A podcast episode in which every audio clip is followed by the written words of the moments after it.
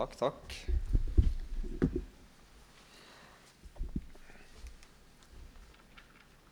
Det var det vi skal snakke om i kveld. Øk vårt Jeg er stresset litt med nå i kveld, for det at uh, jeg er nok en av de litt sånn mindre åndelige folkene som har vært på besøk hos dere og talt. Det tipper jeg meg ganske enig om allerede, så det trenger jeg ikke si. Uh, og det skal bli enda verre i kveld. Nei da. Um, det, det, jeg prøver å si i kveld, det kan høres litt sånn spesielt ut, og som er det et poeng med dette, og det mener jeg definitivt at det er. Og um, det er faktisk få ting jeg har fått hjulpet så mange med som det jeg snakker om i kveld. Men det kan høres litt rart ut. Jeg håper du ikke er med på en litt sånn rar, uh, humpete tur, kanskje. Men uh, det er et utrolig viktig poeng. Det kan være, på en måte tenker jeg det kan være at det er mer aktuelt for den yngre garde, men nei, jeg tror egentlig ikke det. Apostlene sleit med dette. Det er 2000 år siden. Så Sånn sett er det noe vi alle kjenner igjen. Men det er kanskje en tendens mer i dag enn før til at vi tenker at tro det er liksom å skru av en del logiske sanser, skru av med som fornuften, og så bare tro med. En del ikke-kristne tenker sånn om kristne, og en del kristne tenker sånn. Det er ganske vanlig faktisk å høre at kristne sier nei, vi må bare tro det. Og så ligger det på en måte underforstått uh, at vi egentlig ikke vet om det er tilfelle, på en måte, men vi bare tror det. Er du ikke med på tanken? Så vi skal hoppe rett inn i um, et veldig rart spørsmål. Kjære Jesus, velsigne det jeg skal si nå. Og hvis du kunne hjelpe noen, så vil jeg takke deg for det. Amen. En mann kommer på besøk til en venn, og så spør da han som, han som bor der, regner det ute. Nei, for jeg hadde ikke paraply. Tror du ikke han? Det, går, det er jo en tullete setning. Det er selvfølgelig, det går ikke an å tenke sånn. Det regnet, det regnet bryr seg ikke om om du er med paraply eller ikke. Selv om en del folk jeg kjenner, tenker det at det er typisk når jeg ikke tar med paraply, så regner det. Men du ikke er med? Dette er en tullete setning. Sånn går det egentlig ikke an å forholde seg til regnet. Er du ikke enig i det? Det, det er ikke sånn det fungerer. Og Derfor kan vi si noe om hva tru ikke er. Tru er ikke noe som holder Gud oppe. Det er ikke sånn at Gud på en måte trenger noen religiøse, fanatiske mennesker som på en måte tror på ham, og siden de tror på ham, så blir han holdt oppe. Tro har ikke den egenskapen. Og tro er ikke noe som gjør at Bibelen er sann. Om så hele verden trodde på Bibelen, men Bibelen ikke var sann, så var ikke Bibelen sann. Om hele verden tror på ei løgn, så er det fortsatt løgn. Så tro er ikke noe som gjør at Bibelen er sann. Tro er ikke noe som Gud behøver for å være Gud. Tro er ikke en prestasjon, noe som virker bedre jo mer vi gjør det. Eller tro er ikke en sånn gruppegreie at jo flere som gjør det, jo mer fungerer det, eller virker det. Det er på en måte det er avveier å tenke at tru har sånne egenskaper. Men hvis vi tenker oss om, så kan vi ta oss kanskje i å tenke litt sånn sjøl. Du, du, får gå i deg sjøl, du som gidder. Men tru er altså ikke dette. Det er derimot overtru. Overtro er sånn. All tro som trengs for å opprettholde noe av det, det vi tror på det er overtro. Hvis det er sånn at hvis vi slutter å tro på en ting, så slutter den tingen å, å, å eksistere. Da snakker vi om overtro. Julenissen er en sånn en ting. Hvis ingen lenger tror på julenissen, så fins jo ikke julenissen. For han fins bare i ideen vår om at han fins. Og så kan vi tegne han og snakke om han og kle oss ut som han og sånn, og kanskje til og med noen her tror at han fins. Hva vet jeg? Men vi andre vet iallfall at han blir, han blir holdt oppe av at vi tror på han. Så hvis verden glemmer julenissen, så fins ikke julenissen. For han fantes bare i tanken vår, i fantasien vår. Derfor er det overtro. Og alt som behøver din tro for å være sann, er overtro. Er du ikke med på den? Alt som sier at 'jeg behøver at du tror på det for å være sann', så vet du at nei, det er overtro. Sånn blir ikke vi med på. Og Derfor har overtroen har det kjennetegnet at når ingen tror på det lenger, så slutter det å eksistere. Sånn er det bare. Opp gjennom i, i verdenshistorien så har mennesker trodd på mye rart som ikke vi har hørt om. For det er glemt. Det er historie, det er vekke, det er fantasier. Det fins ikke. Det er en haug med sånne overtruer som er kommet og gått. kommet Og gått. Og når ingen tror på det lenger, så fins det ikke. Og det, da bevises det. Det har egentlig aldri eksistert. Det har aldri vært sant. Det var bare overtro. Eksempel, Før trodde de at jorden var flat. Men det var han ikke. Og da er det kjekt å vite for oss at det var ikke sånn at når alle trodde jorda var flat, hvis de gjorde det da. Det var ikke sånn at da var jorda flat. Det virker som at jordkloden brydde seg ikke om at vi trodde han var flat. Han var bare den, var bare den formen han var hele tida. Du kan være på forskjellen her på tru og overtru. Og Så hopper vi da inn i Lukas 17, vers 5 og 6.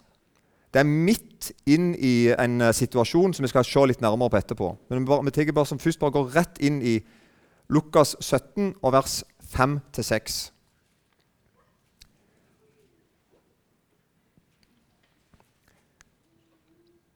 I Jesu navn.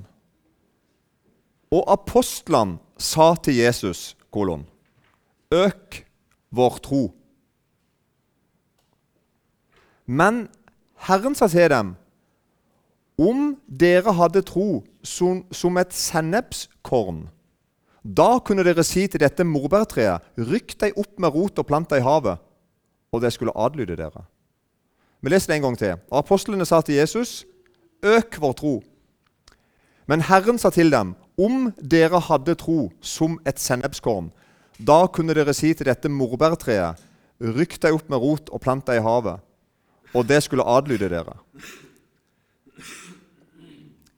Har du tenkt som disiplene? Øke vår tro. Jesus hadde akkurat undervist om tilgivelse. Han hadde sagt de skulle tilgi 70 ganger 7 ganger når, broren, når din bror synda imot deg. Hvis vi leser i Matteus, der står det enda mer utdypt, i Matteus 18 og en del vers der, så forteller Jesus at hvis bror din synder mot deg, så skal du gå og tale han til rette. Han og du alene. Og hører han på deg, så er du vunnet din bror. Hører han ikke på deg, så skal du ta med en eller to andre for at enhver sak skal stå fast ved to eller tre vitners utsagn. Men vil han ikke høre på deg, så skal du si det til menigheten. Og Hører han heller ikke på menigheten, da skal, du, da skal han være for deg som en toller og en hedning. Sannelig sier ikke, alt dere binder på jorden, skal være bundet i himmelen. Og alt dere løser på jorden, skal være løst i himmelen. Igjen sier dere, alt det to av dere på jorden blir enige om å be om, skal de få av min far i himmelen. For hvor to eller tre er samlet i mitt navn, der er jeg midt iblant dem. Da gikk Peter til ham og sa Peter, altså. Han, han, han tror veldig sånn Ikke bare han, men Peter han tror sånn konkret på det Jesus sier. Og han forstår nå hvis dette Jesus sier, er sant, så, så får dette følger for livet mitt. Herre, hvor mange ganger skal min bror kunne synde mot meg, og jeg skal tilgi ham? Inntil sju ganger.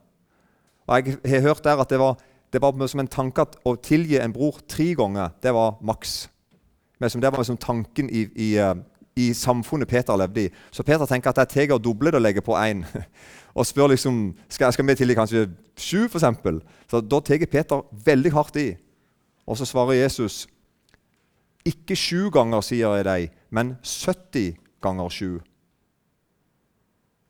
Og så begynner Jesus å sammenligne himmelens rike videre. Så dette var forkynnelsen, dette var undervisninga som disiplene sto og hørte på her. når disiplene da sier, og, og, og Peter tror på forkynnelsen hans. sin. Han hører at hvis bror min synder mot meg, så skal jeg ha et ansvar å gå og snakke med han. Og så skal jeg ta initiativet til å tilgi ham. Og ikke bare tre ganger, eller fire ganger eller sju ganger, men 70 ganger sju ganger. Så Peter skjønner at dette her Dette her vet jeg ikke om jeg får til. Det, er tydelig at Jesus, han, han, Jesus, presenterer en helt annen måte å leve på. Helt, det skiller seg helt ut fra samfunnslivet rundt. Peter forstår at skal jeg gjøre dette Jesus nå sier, så må jeg være helt forandra. Jeg, jeg, jeg, må være annerledes enn jeg sjøl er. Kjenner du deg igjen i det? Du møter noe forkynnelse i Bibelen, så kjenner du dette vet jeg ikke om jeg får til. Dette vet jeg ikke om jeg kan gjøre. Jeg er ikke sånn som dette her. Og Peter han reagerer sånn spontant og fantastisk å lese Peter. Vi kan gjerne le av Peter noen ganger, så rar han er som bues ut, og sånn, men han er fantastisk. Jesus snakker flere ganger med disiplene sine og kaller dem for lite troende. Jeg har nevnt fire plasser i Matteus her. Det er f.eks. i uh, Matteus 6 det er om uh, å være bekymra for uh, mat og klær og det daglige. Da sier Jesus du ikke lite truende, som på en måte er bekymra for den daglige. Og du har I Matteus 14 er vel når, når Peter går på vannet, er det ikke det? og han begynner å synke, for han tviler. Så Da sier, kaller Jesus han for lite truende. Og et par plasser til der, der Jesus kaller sine disipler for lite truende. Så det er med andre ord Bibelen skal snakke om lite truende og liten tru og stor tru. Kan lese flere plasser i Bibelen om noen som hadde stor tru, og noen som hadde liten tru. Så det er noe her som er rart, og som jeg håper vi kan få litt tak i. Jakob snakker f.eks. om ei tro uten gjerninger er umulig. Han sier det sånn at Men vil du vite det, du uforstandige menneske? Troen uten gjerninger er unyttig. Så Bibelen snakker ganske mye om hva tro er, og hva tro ikke er. Og faktisk også om størrelsen på trua. Hvis du leser Jakob 2, vers 14-26, vi skal ikke gjøre det nå, men der kan du se enda mer om, om trua, om ei tru som er unyttig hvis ikke hun har gjerninger. Og Da skal vi skille mellom ei tru av gjerninger, er ikke med på den? og ei tru med gjerninger. Det, det, Bibelen sier, det er at ei tru som er født av Gud, den har gjerninger. Det er det som gjør henne til ei levende tru. Ei levende tru, ei levende gudstru, har gjerninger. Det er ei tru med gjerninger. Men altså tilbake da til Jesus sin samtale med disiplene. Apostlene hadde altså ikke ei tru på størrelsen med et sennepskorn. Det er helt tydelig i det Lukas 17 og vers 5 som vi begynte med nå i kveld. Jesus sier jo at hvis de hadde hatt det, så kunne de ha gjort store ting. De kunne ha bedt et morbærtre. Det, et sånt et, det var sånn tre som Sakkeus klatret opp var ikke det? Så et rimelig stort tre. De kunne, ha, de kunne ha bedt et morbærtre om å rykke seg opp med rot og plante seg i havet. Det er jo ganske spesielt. Det er ikke noe vi holder på med til vanlig i Eiken iallfall. Og Jesus sier at hvis du ikke hadde hatt ei tru på størrelsen med et sennepsfrø, så kunne du ikke ha gjort det. Men det hadde altså ikke disiplene. Sennepsfrø, eller sennepskornet, det er i bibelsk språk så er det altså det, det minste det som tegn eller eksempel på det minste vi kjenner til. Det er et utrolig lite frø. Du kan bare slå det opp i et leksikon, så skal du se. Det er et veldig lite, veldig lite frø. Og det blir til Det er egentlig bare en, um, en sånn en blomsterfrø. altså det er, ikke, det er, ikke, en tre, men det blir så stort, sennepstreet, at vi kaller det for et tre. Faktisk kan fugler ha reir i det. Så stort blir det, selv om det egentlig ikke er et tre. Så på en måte sennepskornet her er et bilde på noe som er veldig lite, og som blir unaturlig stort. Så da er egentlig spørsmålet da Hvis disiplene ikke hadde et tro på størrelsen med noe som er veldig veldig lite, nemlig et sennepsfrø. De hadde ikke det. Er du, er du ikke med på greia nå? Hvis de ikke hadde det, hvor stor tro hadde de da? Det er jo tydelig at Apostlene ber om større tro. De sier 'øk vår tro'. Øk vår tro. Gjør trua mi større. Hadde disiplene ei tro som var mindre da enn et sennepsfrø?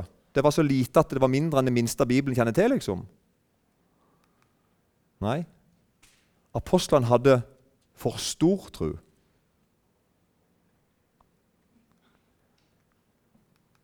De tenkte feil om det å tro.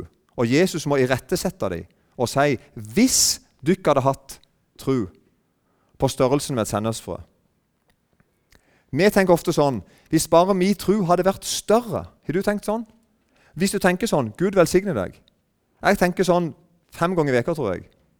Og jeg ber det gjerne seks ganger i veka. Gi meg ei større tru. Øk trua mi. Gjør sånn at jeg tror mer på deg, Jesus, at jeg tør å stole på deg og gå på løftene dine og gå på ordet ditt og gjør det du vil jeg skal gjøre, og leve et hellig liv. Og så ber vi litt sånn som disiplene her. Øk vår tru. Gjør trua mi større. Så på en måte så er det en fin bønn. Og Jesus sier heller ikke at en måte det er galt av de å be henne. Men han svarer med å vise dem en hemmelighet.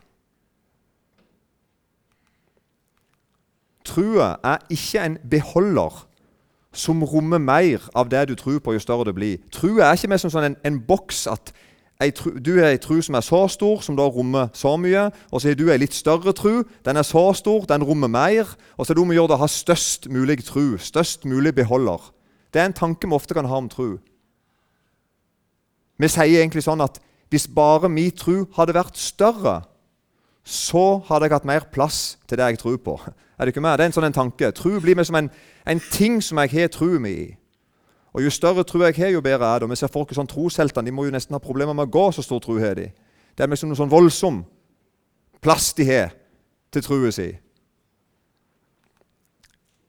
Det Jesus sier her, og som jeg vil si til dere, er Jesus sier til disiplene sine hvis bare de tro hadde vært mindre, så hadde du vært mer opptatt av det du tror på. Er jeg tungvint med dere nå? For det er ikke meninga. Det er ikke meninga å være flisespikkete og filosofisk. Dette gjelder rett inn i livet ditt der du er i dag. Du ber til Gud gi meg en større tru, Gud, så skal jeg gjøre større ting. Og sier Jesus nei. Du skal få en mindre tro, og så skal du få noe større å tro på. Ikke tro på trua di, ikke se på trua di, men la trua di vende seg mot det du tror på. Hvis ikke blir det overtro. Martin Luther han kaller det faktisk for åndelig hor. Å tro på trua i stedet for å tro på det du skal tro på. Vi blir opptatt av trua vår.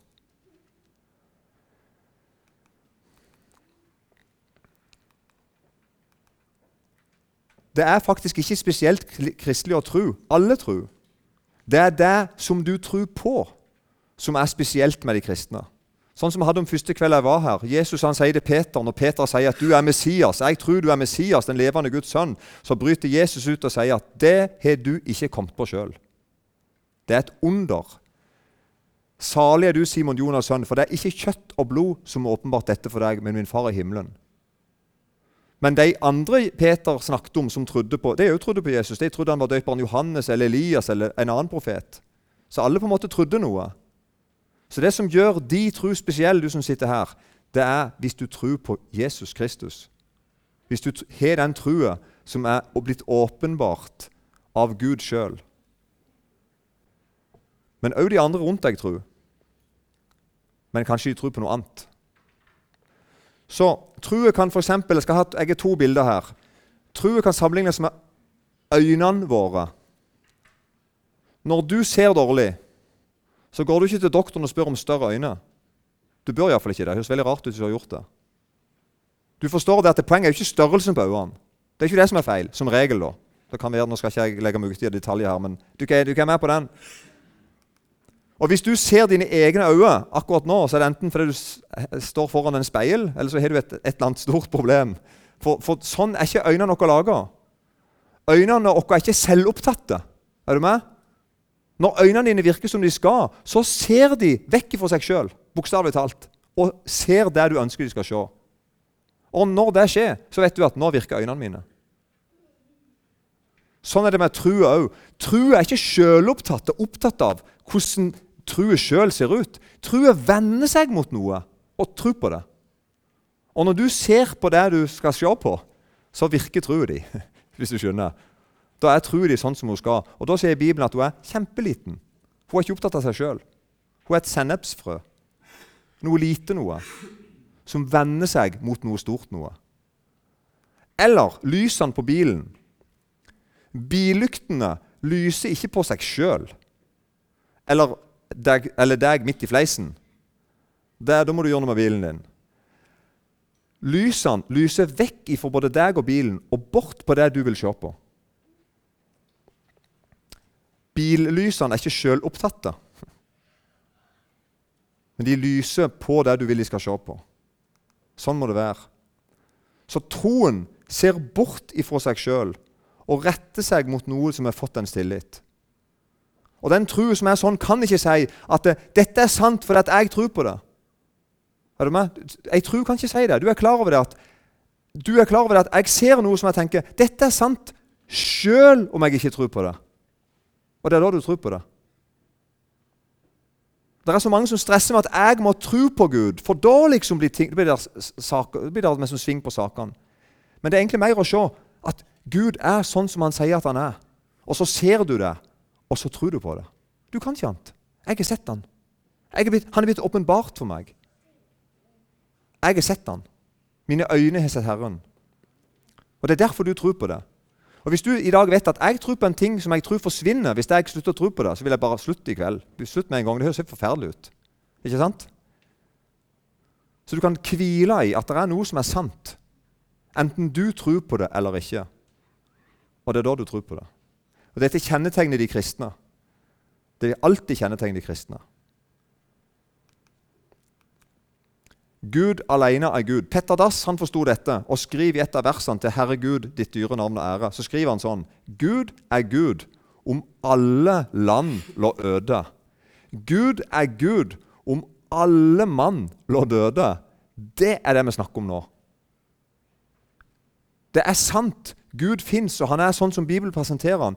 Helt uavhengig av om det er én i Namsos som tror på han, eller om det er 10 000 i området her som tror på han.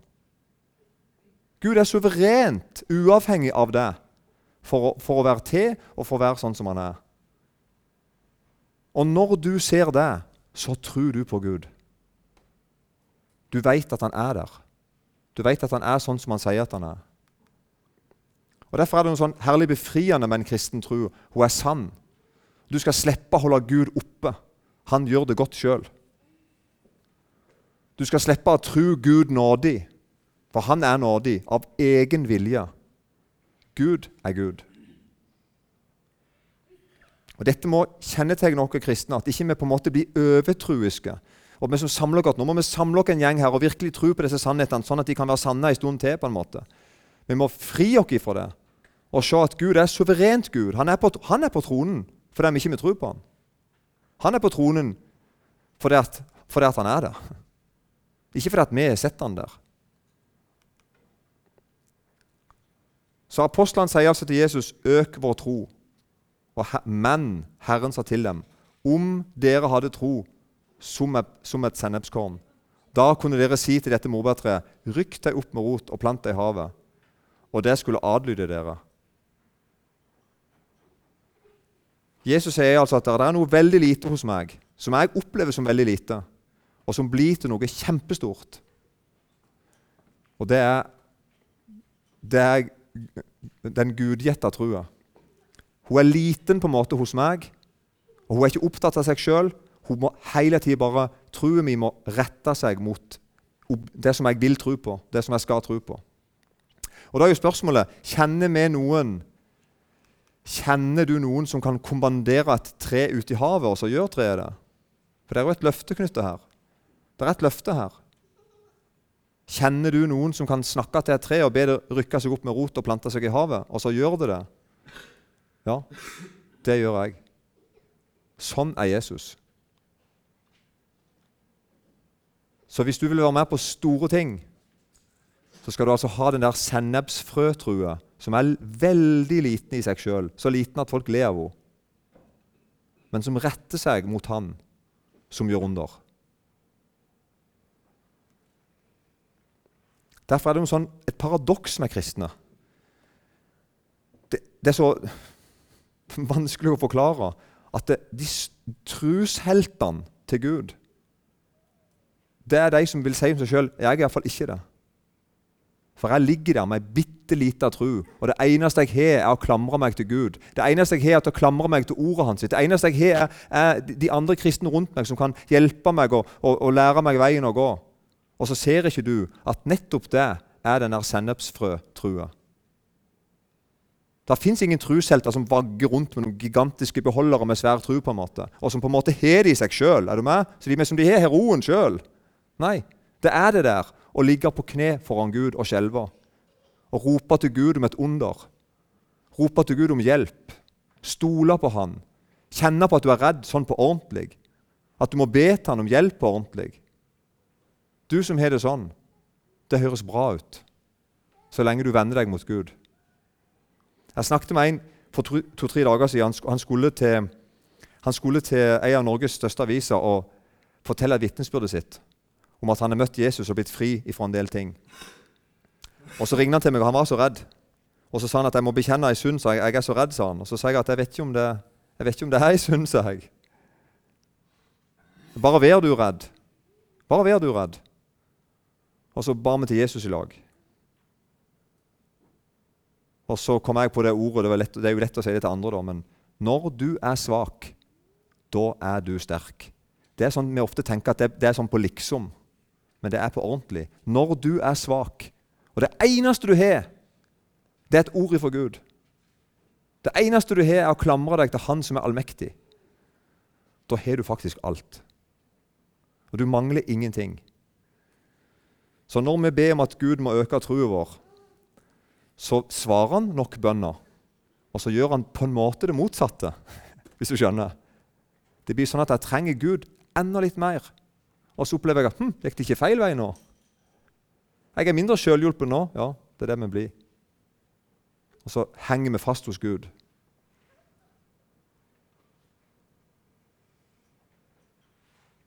Jeg håper at det ga mening for noen her. Og For meg var dette helt fantastisk når jeg oppdaget at Gud fins om jeg tror på han eller ikke. Og Gud er sånn som han sier at han er, om jeg tror det eller ikke. Og da merket jeg plutselig Ja, da tror jeg jo på det. Kjære Jesus, velsigna oss. Og takk for at uh, vi ser hvordan disiplene tenker, at de har lyst til å bety noe og være noe for deg. De har lyst til å tro på deg, og jeg òg vil være sånn. Så vi har lyst til å høre deg til. Har lyst til å bety noe for deg og for ditt rike. Og takk at du ordna det sånn at det går an. Og vi til oss at vi ofte tenker feil om hva det vil si å tro, og hva det vil si å tro på deg. Og takk at du hører bønnen vår likevel, og så svarer du på en god måte. Amen.